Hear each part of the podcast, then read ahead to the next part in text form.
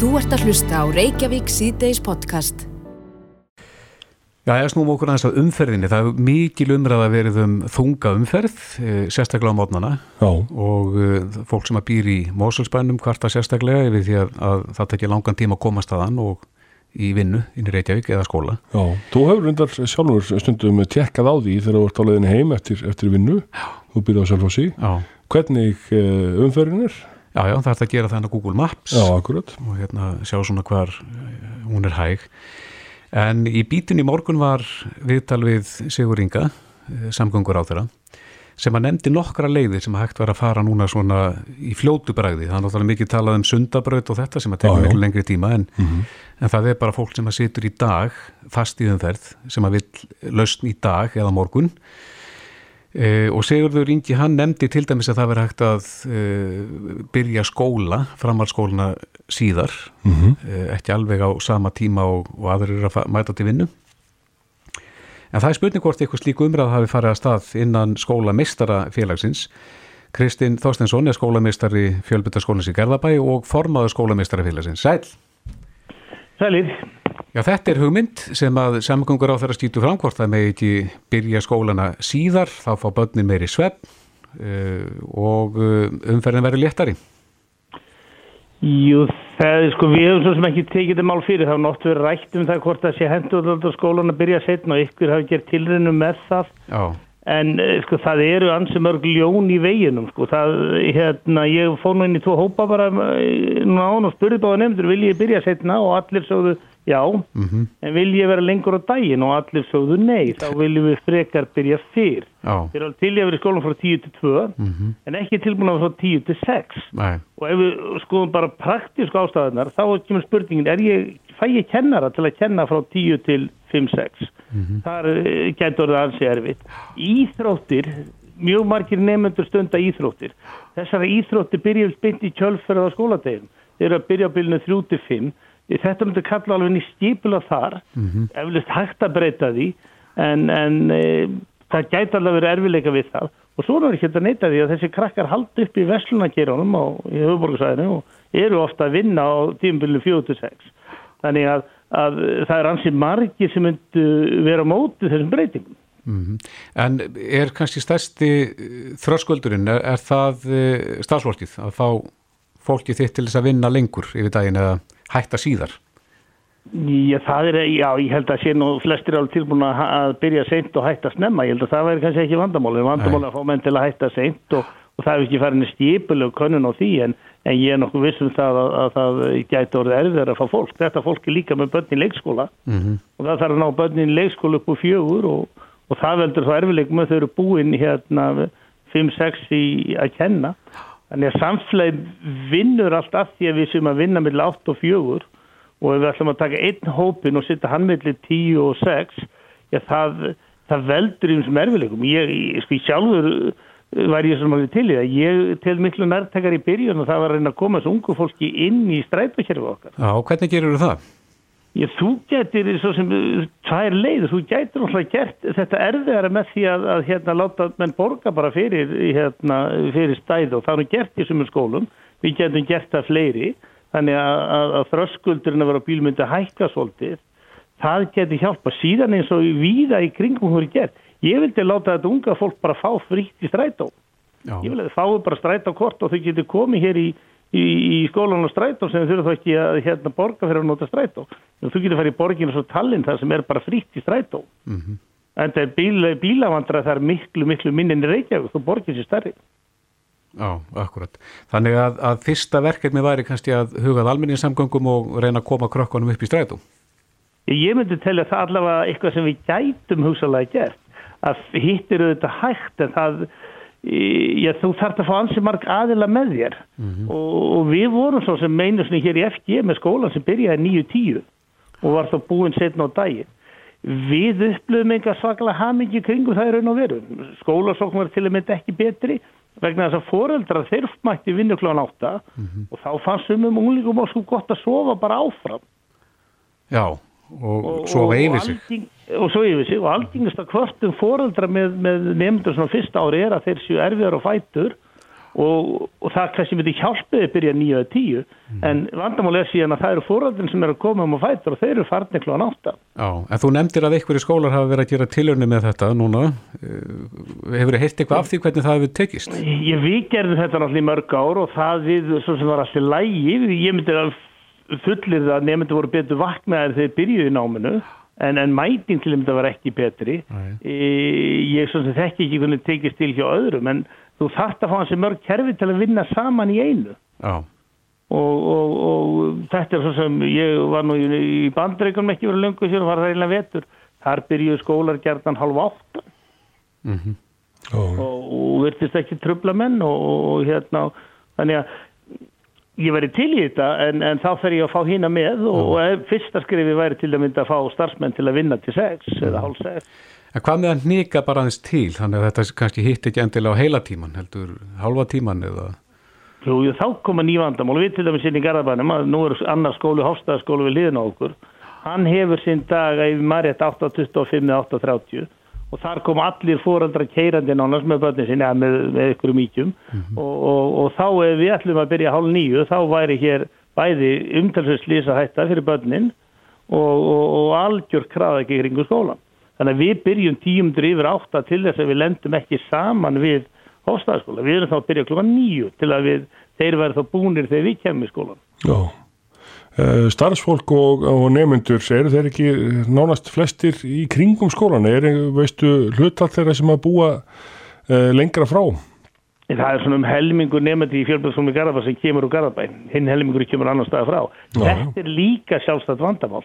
Nefndu farum allt höfuborgarsvæðið í, í, í skóla og það er sjálfs sér jákvæmt að ekki til valið sér nám en menn eru aðeins ofta að fara yfir lækin til að sækja vatnið því að menn eru að sækja sama námið í önnur sveitafélög og, og eru í sjálfum sér óþarfa samgöngur en menn myndu almennt sækja framhalskóla eins nálat og í gætu og þá getum við líka minka þetta vandamál.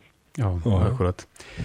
Einmitt, þetta eru margi fínir punktar hérna, Kristinn Þorsteinsson, skólameistari fjölbutaskólans í Garðabæ og formaður skólameistarafélagsins. Kæra þakki fyrir spjallið. Takk fyrir að hafa með. Bless, bless. Þess. Þú ert að hlusta á Reykjavík C-Days podcast. Jæja, við kíkjum að þess að veðrið, það er, eh, nú, nú er haustið, gengið í garð, Já. svona maður finnur það alveg, Já, já, sér það líka, bara Já, að maður kíkir út í garð, það er farið að falla löf af trjánum. einmitt, og svo er náttúrulega farið að fjölga fréttum um einhverjar lægðir sem að hanga hérna einhver stað við landið. Já, já, það er ekki hæði við grænlandi lengur, Nei, það er það er, kannski einhverju, einhverju mýflugumynd. já, akkurat, en það er spurning hvernig kemur til með að viðra okkur núna á næstunni, hvort að þessar haustlægðir fara að banka upp á núna, svolítið þétt. Einar Sveinbjörnsson hjá viðuvaktinni og bliku.is eða blika.is er á línu, kom til sæl. Já, komið sælir. Já, hvað segir um það? Eru haustlæðirnar fannar að banka upp á?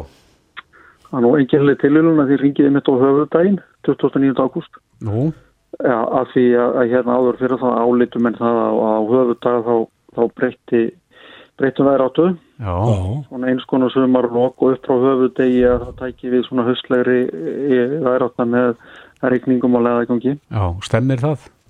Já, það stemmer sko, það eru, eru strömmkvörf í, í ringir ás norður allasafsin sem að er, sem að er mælanlega og merkjanlega einmitt um þetta leiti. Mm síðustu vikuna í ágúst og blábyrju september og við, við sjáum það gerast eh, ofan frá heikvolfinu og, og, og niður í verðarkólu og þetta kemur meðal annars fram í, í hérna meiri læðagangi Já, hérna sem að óhjókvæmlega þá, þá koma þær hérna nærri oftast nær. Já, e, e, myndur þú ráleikja fólki núna sem er með garðhúsgögn úti á palli eða í garðinum og, og trampolín að fara að huga því?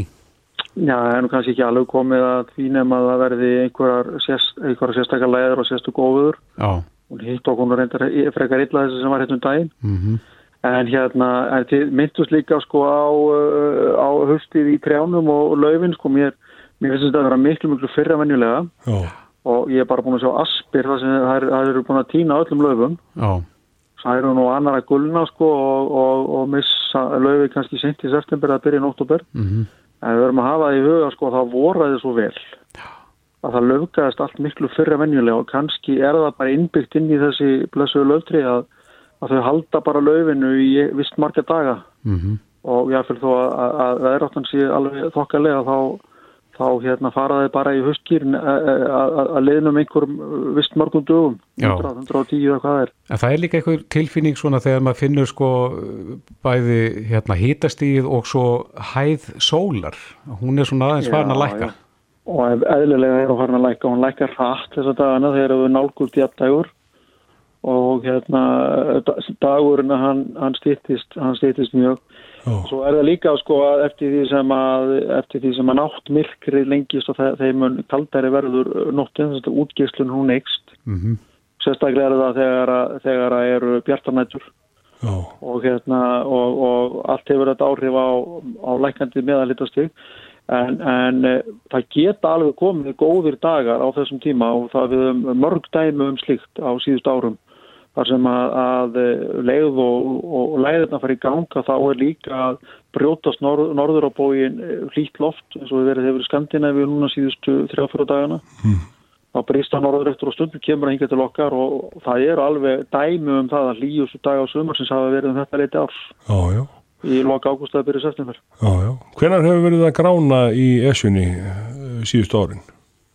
Ég er nú ekki alveg með einfélitið við það sko en, en það er auðvitað mjög algengt að það geti gránað í toppin á henni einhverja nóttina og svo hverfur það yfir daginn. Eh, hvernig er komið varalegu snjór það held ég ekki fyrir ný eftir miðan oktober. Ég fylg setna sko. Já. Serðu einhverja lægð núna fljótlega í kortónum? Já, það er nóga lægðum sko. Það eru reyndar ekki að stefna á okkur, það eru frekar að stefna á, á Breitlandsegar. Mm Eh, það setur yfir okkur svona minniháttar en samt greinilegur hálofta kuldapóllur yfir landinu og hann er hér viðvarandi fram, eh, fram yfir helgi, helgi og reyndarna fram í miðjanastu viku mm -hmm.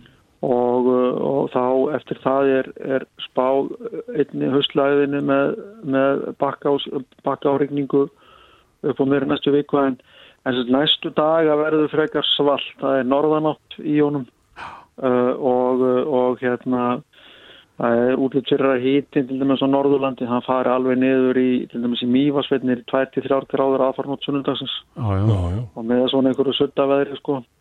Og þá gránar í og snjóar í, í hérna erst í fjöll og það er svo sem ekki fyrsta sem það gerist, gerist þetta sömarið eða hvað það var að segja höstið. Mm það gerði svona daginn líka en þannig að við erum svona frekar kuldamegin og, og, og læðið þetta að fara með miklum látum yfir Bretlandssegur og yfir Vesturnóri og með stórrygningum á, á þeim slóðum. Já, aðeins yfir aðra sálma, hún vakti aðtegli fjersbókafæslaðinn þar sem þú ert að ráleitja unga fólkinu, hvað það getur gert til þess að taka þátt í að spórna gegn gróðrúslóttegundum og hlínun jarðar E, þú ert vantilega að hvetja fólk til þess að sína aðgerðir í, í hérna á borði, ekki bara í orði?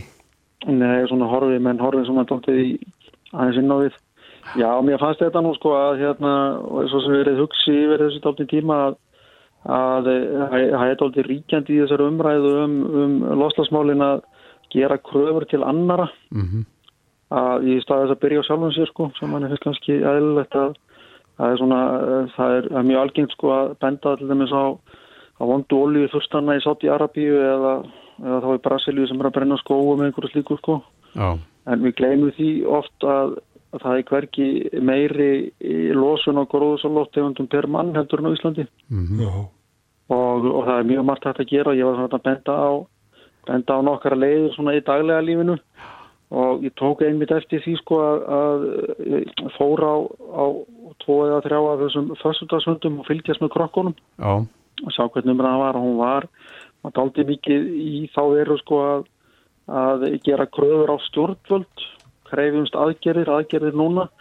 Og þetta geta stjórnvöld gert heilmikið með því að skapa einhver efnaðslega kvata og einhverjar aðgerðir sko og, og, og ekki síst með því að, að vera virkir, að stjórnvöld vera virki í samtæli þjóðana um að, að, að reyna að grýpa til einhver aðgerða því að lofthjúpin eiguð all en, en, en til þess að mýta sko sótsporið í daglega lífinu þá er mjög margt hægt að gera og ég nefndi það sérstaklega að hérna að það væri hægt að sérstaklega á, á höstin og vorin að gera meira því að lappa í skólan eða hjóla. Mm -hmm.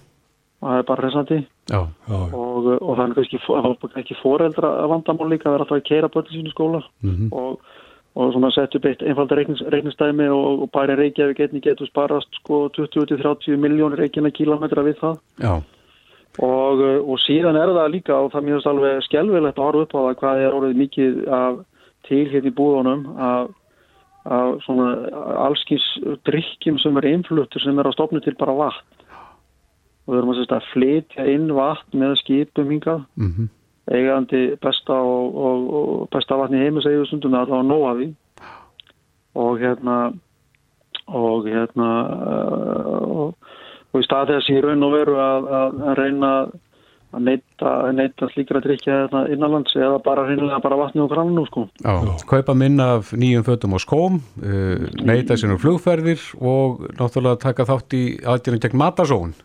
Já, já, já og hend, hendi ekki neinu mat og hérna það er einmitt verið talað um það í svo skólamörtunum að það vil brenna við að krakkarnir hendi tótt á diskonu sínu sko. Já, já, taka, taka minna á.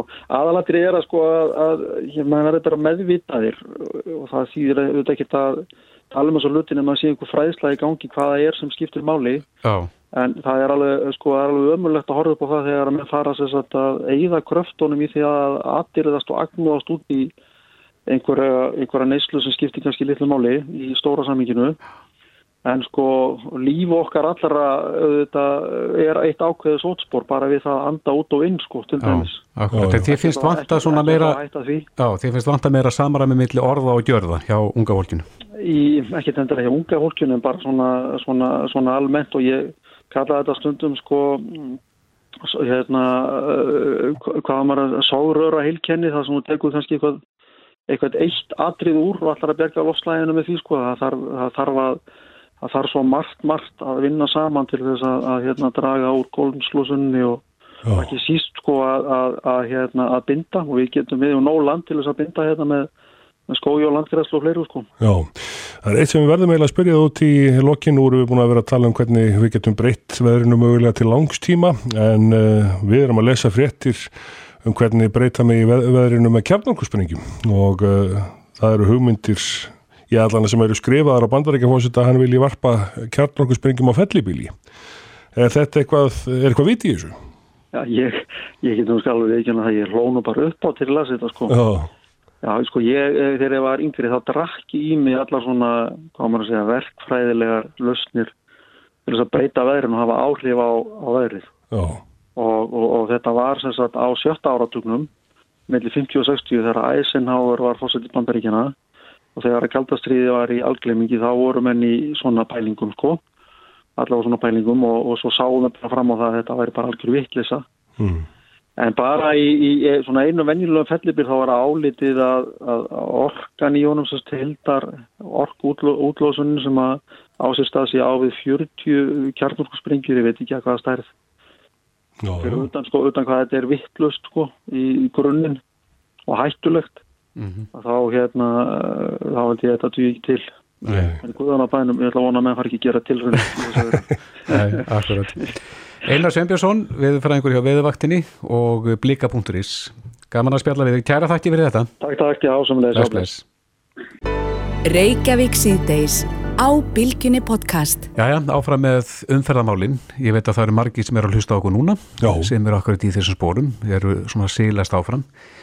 Í þungri umferð og flöskuhálsin virðist vera þarna eitthvað staðar á leiðinni til Mósasbæjar. já, Er okkur sagt, menn hafa verið að, að posta myndum á samfélagsmiðlunum, einmitt af þessum löngu bílaröðum. mhm, E, í morgun var bítið að fjallum þetta og þeir fengu til sín Óla Guðmundsson, umferðar sérfræðing sem að e, sagði þeim frá þeirri tækni sem að notu er víða erlendis við að greiða úr umferð og við skulum aðeins heyra hvað hann sagði í morgun. Já, ég er búin að fylgjast með þessu í mörg ár og sá svona stýringar fyrst í Tókjó árið 2000 þar sem að uh, umferðin láta stýra ljósunum, bara með nýri tækni. Og nú er komin ennþá betri tækni sem að allar borgir hér í kringum okkur er að nota en ekki við.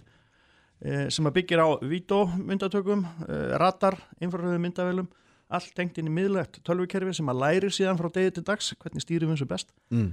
og markmiðið er að minka tafatíma hjá öllum. Og Uh, sem dæmi ef að við erum með umfyrarljós þar sem er fullt af bílum að fara yfir svo kemur eitt gangandi og ítur á takkan þá fylgist kerfið með hvenær er best að hleypa honum yfir og örgast fyrir hann. Þá kviknar grænt fyrir hann og um leið og hann er komin yfir göttuna skiptir allt tilbaka þannig að það er verið að mæla alla samgöngumóta mm. kerfið sér eins og ég segi gangandi stóra bíla, litla bíla Mhm. breyti stýringunni þannig að það verið að há, hámarka flæðið og minka tafatíman og Og væntanlega spara elsniti. spara eldsneiti, Já. ég var 25 minútur að komast yngað sem er einhverju 7 kilometrar bíli hjá mér var að eyða tvöfall meira en hann gerir þegar ég er í svona þokkarlega umferðarflæði Mm. þannig að og það þýðir miklu meiri mengun þannig að allar, allar þessar tafir er ekki bara að erga þá sem er að uh, nýta sér tæknina, heldur er þetta menga meira uh, og, og hérna og afkasta getan dettur niður úr öllu valdi. Þannig að, og þetta snýst svolítið um vilja.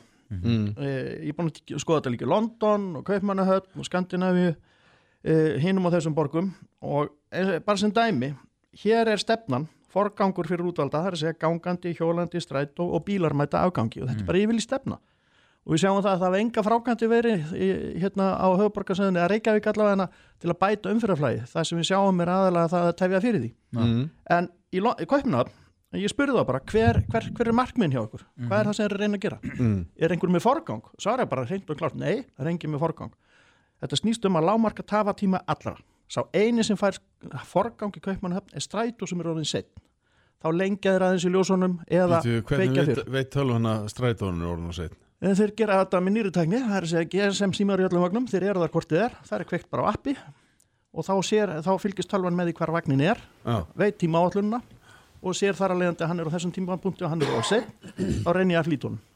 Það er það sem kerfi gerir, það er algoritmin í kerfinu. og þú segir þetta kerfi búið að vera í Danmörku í mörg ár. Já, já, Oslo og, og, Já. og, einlega öllum uh, borgum sem uh, Skandinavíu. Já, nema hér að er virðist miða við þetta.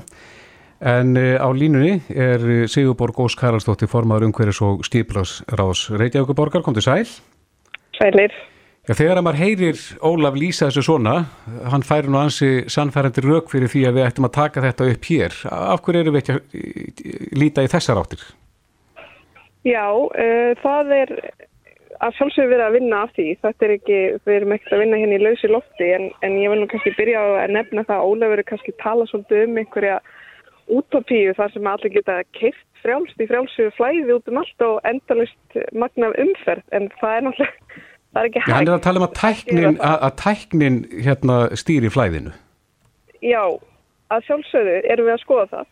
Það er í, í gangi samfunnuverkefni núna allra sveitafélag á höfuborgarsvæðinu að gera snjallvæða umferðarljósin á höfuborgarsvæðinu og þetta er bara í vinslu og ég reikna með að, verði að hluta af, hérna, þeim samgöngu pakka sem að, að sveitafélagin er að semja við ríkið um þannig að þá komist þetta í lag því að það er alveg mjög góði punktur og það er alveg rétt að það er hægt að stýra flæðinu betur og við höfum ekki verið með bestu umfyrirljósing hvað þetta varðar.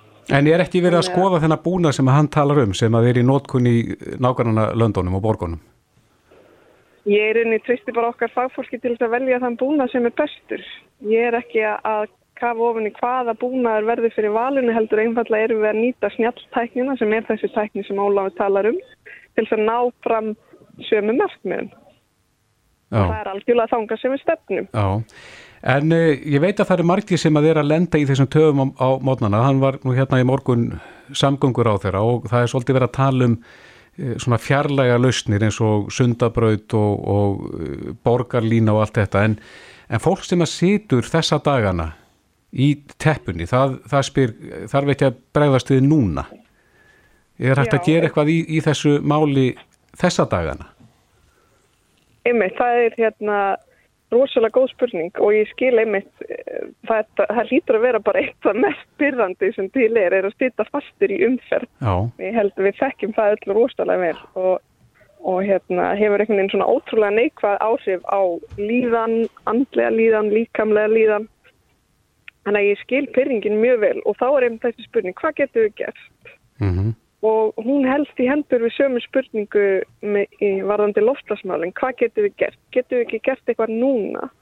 Ég er sammála því að, að við þurfum að gera hlutina uh, núna og við þurfum að gera hraðar en við höfum verið að gera og það er það sem er í bíkjað og, og það sem verður vonandi kynnt Það eru tveir mjög stóri hlutir. Annað er samgöngupakkin sem er búið að, að hérna, svona segja lauslega frá og verður í höndum uh, sveitastjórnar á þeirra, uh, Sigur Inga, að, segja frá því þegar hann er klár uh, sem eru borgarlína og stoppvega framkvæmdir á höfuborgarsvæðinu og hitt er það sem hefur læra farið og, en verður kynnt núna í september mánuði og það er glænýtt leiðarkerfi strætó.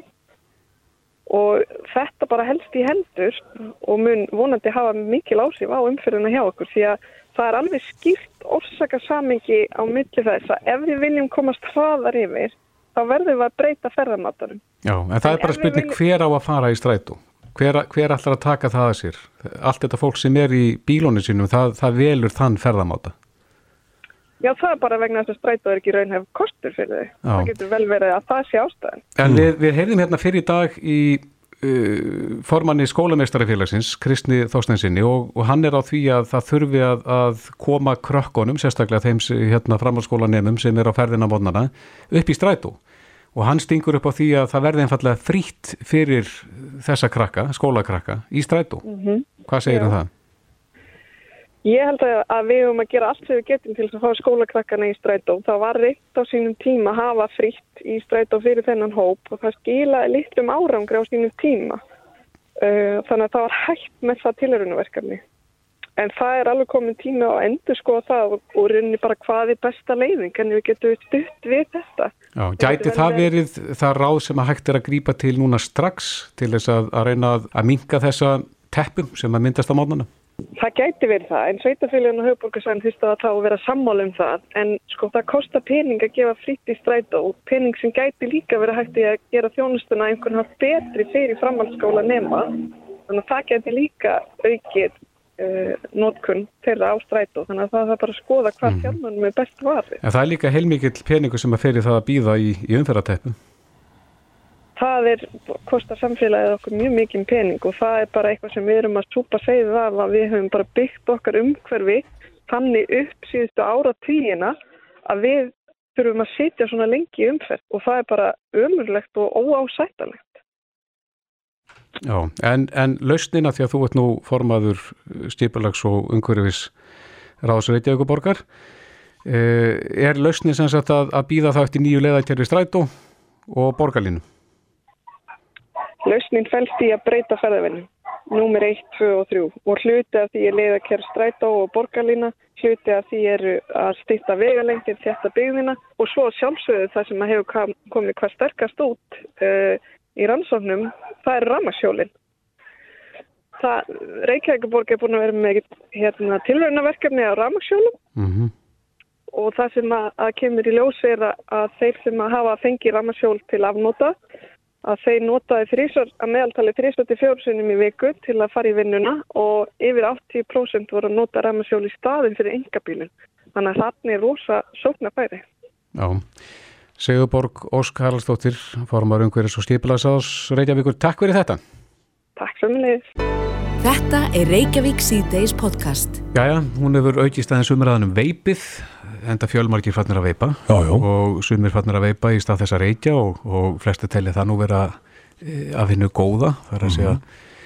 að veipa frekar að reykja. Já, en þetta er uh, samt svona til, til að ný uh, tilkomið fyrirbæri þetta veip. Já, en nú það sem að hefur breyst kannski núna upp á síðkasti er að það er búið staðfesta fyrsta döðsvallið að völdum veips. Já og þá veldi maður fyrir sér eh, hvort að við vitum alveg nóg um, um þetta fyrirbæri. Já og uh, hvað læknar, lúnalæknar hér, uh, hvort að þeir telja ástæð til þess að, að vara við veipinu svona eftir því sem að málunum fjölgar. Uh, Gunnar Guðmusson, lúnalæknir á landsbítalanum er á línu, kom til sæl. Já, sælir. Já, við heyrðum í þér um veipið um daginn en það sem við gerðum síðan er að nú er búið að staðfesta fyrsta döðsfallið.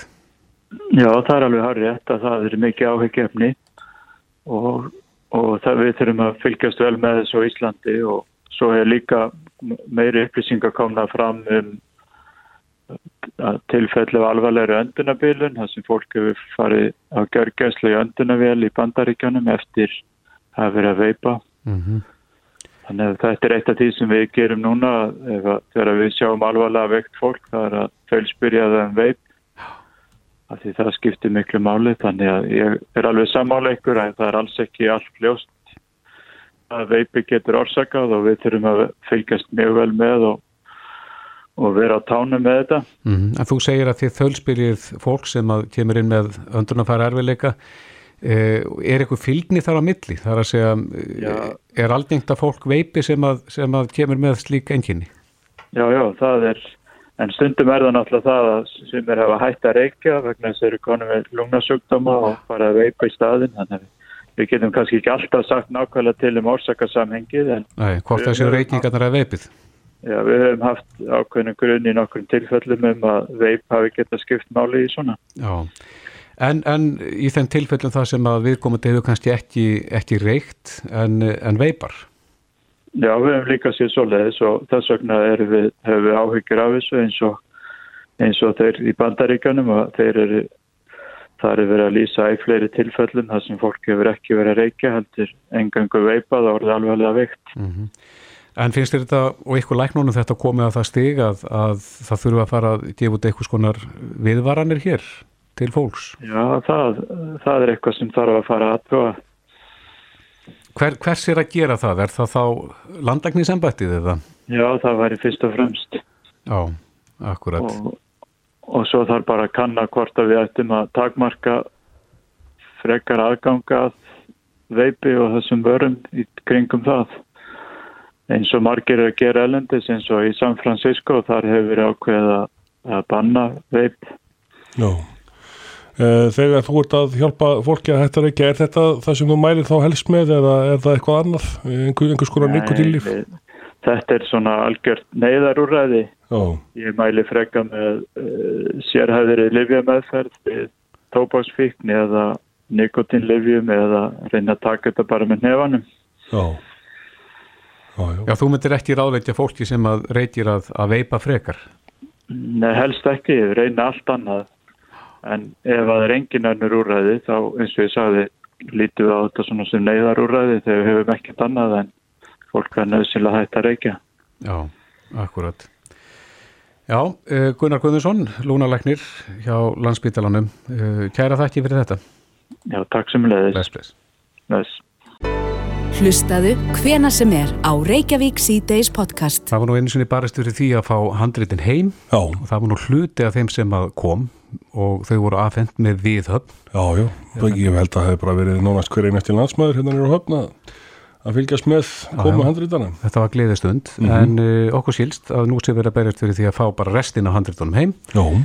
enda hvar eiga þau betur heima heldur en á Íslandi? Uh, Lilja Alfredsdóttir mentamálar á þeirra hefur sendt og, og rætt við danska mentamálar á þeirra um, einmitt um þetta að fá handritin heim. Og Lilja er á línunni, kom til sæl.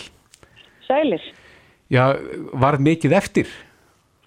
Já, það eru, það eru þetta handið eftir og það var þetta vitað á, á, á sínum tíma og auðvitað það samkómulag sem náðist í Dani og sínum tíma var svona tímamóta samkómulag í samskiptum þjóða þar að segja að skila menningavermætum tilbaka mm.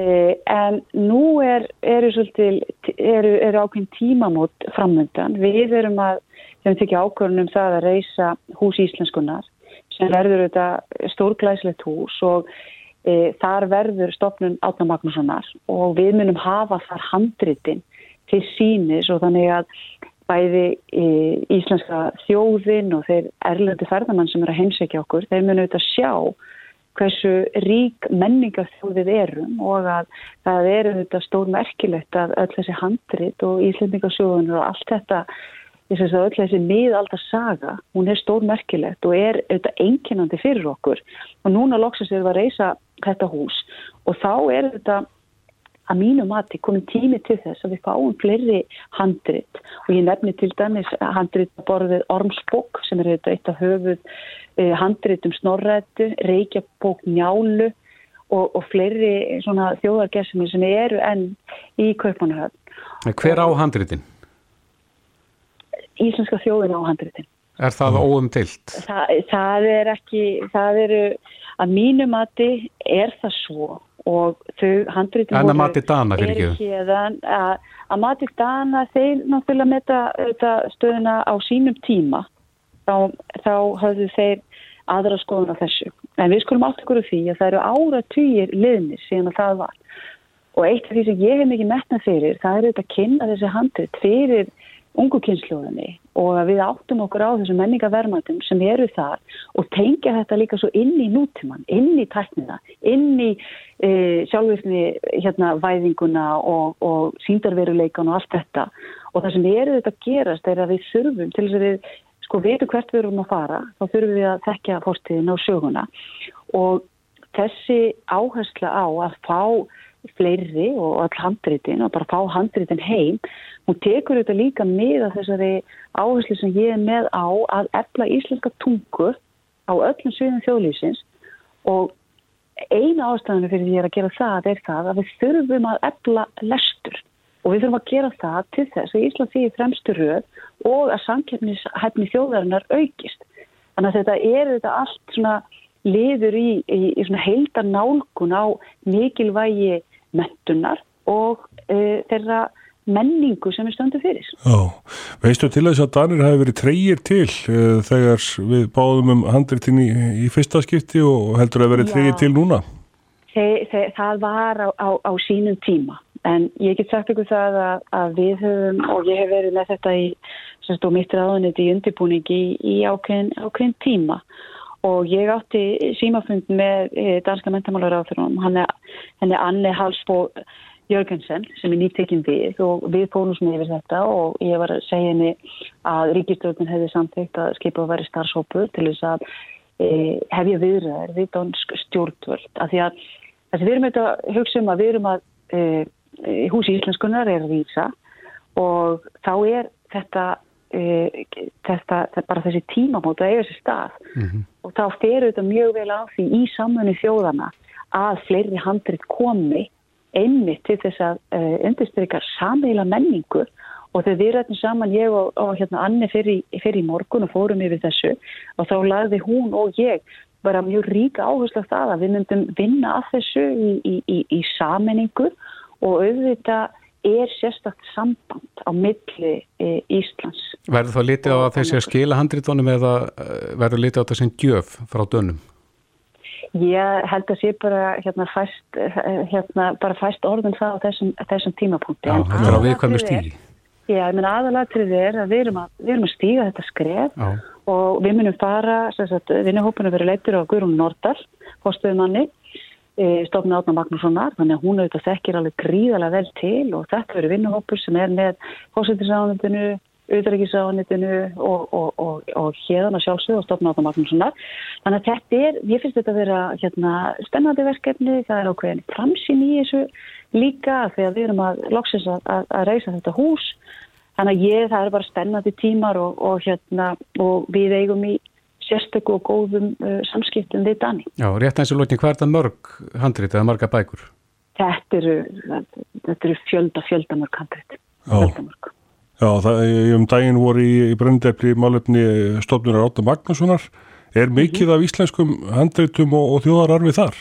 Já, já, það, það, það svo er. Og annað sem hefur líka verið að gera þetta er að, að hérna, e, það hefur verið lektorstaðan þarna út í Kaupnarna háskóla, það hefur verið svona ákveðin hérna, e, svona, e, já, það, það mætti hlúa betur á henni, við svona orðaða þannig og við viljum bara gera þessum, þessum merku handritum mjög hátt undir höfðu og við teljum að við getum gert það og þess vegna er tíminn bara réttur. Já, mm -hmm. Lili Alfredsdóttir, mentamálar á þeirra. Gándi okkur vel í þessu. Kæra þakkir. Takk sem er leiðis. Þetta er Reykjavík C-Days podcast. Já, það hefur eh, svona á nýliðnum árum, eða mm -hmm. misserum, þá finnst manni eins og eh, fyrirbæri karlmennskan sé orðið svona einhverju neikvæðu Skammariði? Já, skammariði jafnvel. Mm um, það hefur eitthvað gerst kannski einhverju bildingunni eða að sagt, þetta er eitthvað sem að menn eigi ekki vera að flagga eða, eða uh, státa sig af karlmennskan þar að segja. En uh, það eru nú ekki allir sammála þessu. Að þá karlmennskan sé svona pínu eitruð? Já, Já. við heyrum oft talað um eitraða karlmennsku mm -hmm. það sé bara samnefnar yfir karlmennsku yfir höfuð. Mm -hmm. og þetta, þurfi, þetta sé eitthvað sem að þurfa að draga úr frekar en hitt. Þetta sé mannkynunni til trafala og, og svo framvegis en ekki allir sammála samt og við lásum grein eftir Ólaf Átnason sem er fjölskyldur ágjafi Mhm. nýverið, það sem að já, fyrirsögnin var einfallega karlmennskan er flott Ólafur er á línunni, sætla blessaður Komið þið þér? Uh, Þú einmitt uh, fer svona yfir það í nokkurum uh, hérna, aðtriðum hvernig þú telur karlmennskun að vera jákvætt fyrir brið Já, og ég kannski er að, að, að tala um þið, þið nefnið þarna svona eitraða kallmennsku þess að þið kallið það mm -hmm. Og ég held að sé mikilvægt að gera greinamund þarna á að, að þegar ég verið að tala, eða ég vil allavega meina það, þegar ég verið að tala um eitraða kallmennsku þá, þá erum við svolítið að ruggla saman að eh, frekar eftir að tala um bara eitra hegðun Já. og það geta þá verið einstaklingar að báðum kynjum eða bara einstaklingar almennt sem að geta hegða sér á óaskilega máta. Er ekki til í þínum huga sem heitir eitruð karlmennska? Nei, ég vil svolítið meira það, meina það að þeir aðeins þegar við erum að tala um ofbeldi og annað að það sé hluti af kallmennsku, að það eigi ekki til kallmennsku. Að kallmennska snúist meira um styrk, ákveðni, áraðni, sjálfstæði, leiðtóga, hefleika og það, það get, hefur að finna í báðum kynjum. En akkur er það þá hérna, sérstaklega tengt við karlmennsku ef það er að finna í báðum kynjum fólk, fólk skilur þetta kannski ekki alveg Nei, ég sko er ekki bara eins og er, það er ímsir kveldlegi þættir eða svona feminíski þættir sem hún finnur líki báðum kynjum sem við teljum vera bara æskilegir Aha. og kannski óþarfi að vera að tala um uh, kallmennskuna sem eitthvað neikvægt mm -hmm. heldur ættu við frekar bara ít undir þessa kallmennsku þætti og, og hérna fá fleiri leittóga og meiri ákveðni og áraðni Hvað, fyrir hvað er það sem einkenni karlmennsku? Já, þetta sem ég myndi segja hérna áðan að, að svona kallmennskan ef ég er svo ég líti á það að, að þú sett ekki trættu við að sína styrk og ákveðni og sjálfstæði og, og að það þýðir ekki til að þú setja vaði yfir fólk og, og, og hérna Nei. Og, og beit einhverjum einhverjum ofbeldi og annað þess að það En er það ekki einmitt líka ákveðnir eiginleikar sem að konur sækja í hjá karlmennum? Það er að segja þess að það sjálfströst og öryggi og svo framvegis. Sækjum við ekki það hjá hvort öðru, viljum við ekki makan svolítið svo leiðis og hérna Jó, en er það ekki eitthvað svona frá náttúrunar hendi svona að, að konur leiti í eitthvað öryggi sem að er sko þróuna líffræðilegt fyrirbæri sem að fyrir á já, árum áður þá að það er verið að leita öryggi fyrir bæði sig og, og barn og svo framvegis, maður hefur hýrt þetta. Já, já, og við getum alltaf farið í það að skoða hvað er, hvað er svona nature og hvað er nurture eða svoleiðis, hvernig, hvernig þróast þetta. Mm -hmm. og ég held að það sé svolítið ríkt í þessu já okkur, en ég held að það sem er kannski mikilvægast í þessu að við erum svolítið að til dæmis umræðan með drengi og kallmenn er að við þurfum að sína meiri tilfinningar og við þurfum að gráta og við allt svona og mm. Og, og það er ekkert að því, það, ef þú þarft að gráta þá þú gráta, en, en það er ekkert að því að þú þarft þess ekki Þa, það, það er ekki eitthvað styrkleika merkja að sína það að þú getur tekist á við hluti á þinn máta og það er kannski öðruvísi heldur en svona dæmigjast, hvað ég var að segja, feminist hægðun sko. Mm. En er það karlmennska að vera svona einhvers konar klettur til staðar þegar að áfall dinur yfir fjölskylduna og kannski aðrir gráta á meðan að þú, þú getur verið faðmörn sem leitað er í til hugunar Það myndi ég segja, já. Mm -hmm. og, og, en, en móðurinn getur verið það líka en, en, en kallmaðurinn getur verið það líka og bara á að gera það. Og það sem við þurfum svolítið að breyta, mér finnst þetta að vera svolítið leiðilega þessu umræðu, það er alltaf að finna neikvægt um bæði kyn mm. að bæði kyn beita ofbeldi. Þeir strákar leggja einelti, stelpur leggja einelti og að það sé bara óaskilega hegðun drengja ef að þeir leggja það er eitthvað bara rámt við þá samsetningu sko. Mm -hmm. En, en konur, af því að þú tala svolítið um að karlmennskan sé það að sína styrk og þetta, en, en er það þá gagstætt með konur eða hvernig stillur því upp? Hvað áttu þá við? Nei, ég meina, geta konur ekki sín styrk líka? Jú, jú, jú, auðvitað. Það er sína fullta styrk og jákvæðni. En, en þú hengi það sérstaklega á karlmennskuna? Já, en, sko, þetta er eiginlega svona, hvað ég að segja, terminology, svona, að, að karlmennskan er vissi þætti sem því fylgja en, en við sjáum alveg að, að, að í dag að fólk eins og konur eru meira inn á uh, sem betur fyrir inn á vinnumarkaði og, og fari í áhrif að stöður. Og þá þurfa þeir ofta að beita þessum hvað ég að segja, þessum þáttum meira, vera ákveðnar meiri leiðtógar og, og, og, og eru með oft sömu svona þætti og áherslu þætti og kallmenn hafa gert í gennum tíðina. En er eitthvað rámt við þessar gömlu stereotypu þar að segja karlmennskan sé uh, eins og þú segir ákveðni og kannski smá harka á meðan að kvenleikin sé meiri mýkt og leggja áherslu á mjúk mál er, er, er það rámt að sjá hlutina þannig? Nei, ég held að sé bara uh, mjög gott og þess vegna eins og margir segja það er mjög gott inn í stjórnum fyrirtæki og annað, þú ert með báð, bæði atriði þarna Mm. en, en við megum ekki fara að tala niður kallmennsku hlutana þessi slæmt að vera áraðin og þetta sem er mjög vinsalt að að segja að kallar í dag leið og þú ætlar að fara að útskýra eitthvað þá eru það annars útskýringar Já. og, og það er svona bara staðlað viðbrað að það sé einhver, einhver hróki og yfirlætt og setja að tala niður til eitthvað Já, hvaðan kemur þessi tilneying sem þú ert að tala um og af hverju er karlmennskan orðin svona neikvæð í stórum kreðsum? ég, ég veit ekki, er þetta ekki orðið svona þá orðið umræða svona um, um bara almenna pólitík og, og svona uh, réttrúnað og, og svoleiði sem er kannski Já. efni heilan þátt held ég En hefur eitthvað hugsað það? Hefur- einhverja tilfinningum fyrir því hvaðan það kemur og af hverju það er orðið svo útbreytt? Ég, ég svona mínar hugmyndur um það en ég held að það sé Hættur þeir ekki inn á það jærsmengi svæði? Ef ekki að segja það, já. Já, ok. Jú, jú, ég held, held að séu svolítið svona pólitískar kvatir þar á bakvið að, að hérna, þetta er þetta ákveðin bara átt að einhvern veginn í gangi sem er mjög veist leðilegt að því að það hafa allir sína styrkleika og veikleika og að vinna þetta saman og þá að maður frekar að vera draga upp eiginleika fólks heldur en að reyna að draga niður. Það, svona, svo ég held að séum svolítið á rángri leið og þess vegna var ég nú að skrifa þetta ég finn með marga kallmenn sem koma hérna inn að, að þeir eru svona aðeins týndir vit ekki alveg hvað er mega og hvað er mega ekki og má, er ég orðin dónalegur ef ég fer að ringja í konu og bjóðin út og ef ég ætla að borga eða hvað dregi mörkin og, og svona sko. Hvernig hafa viðbröðum við greininni verið?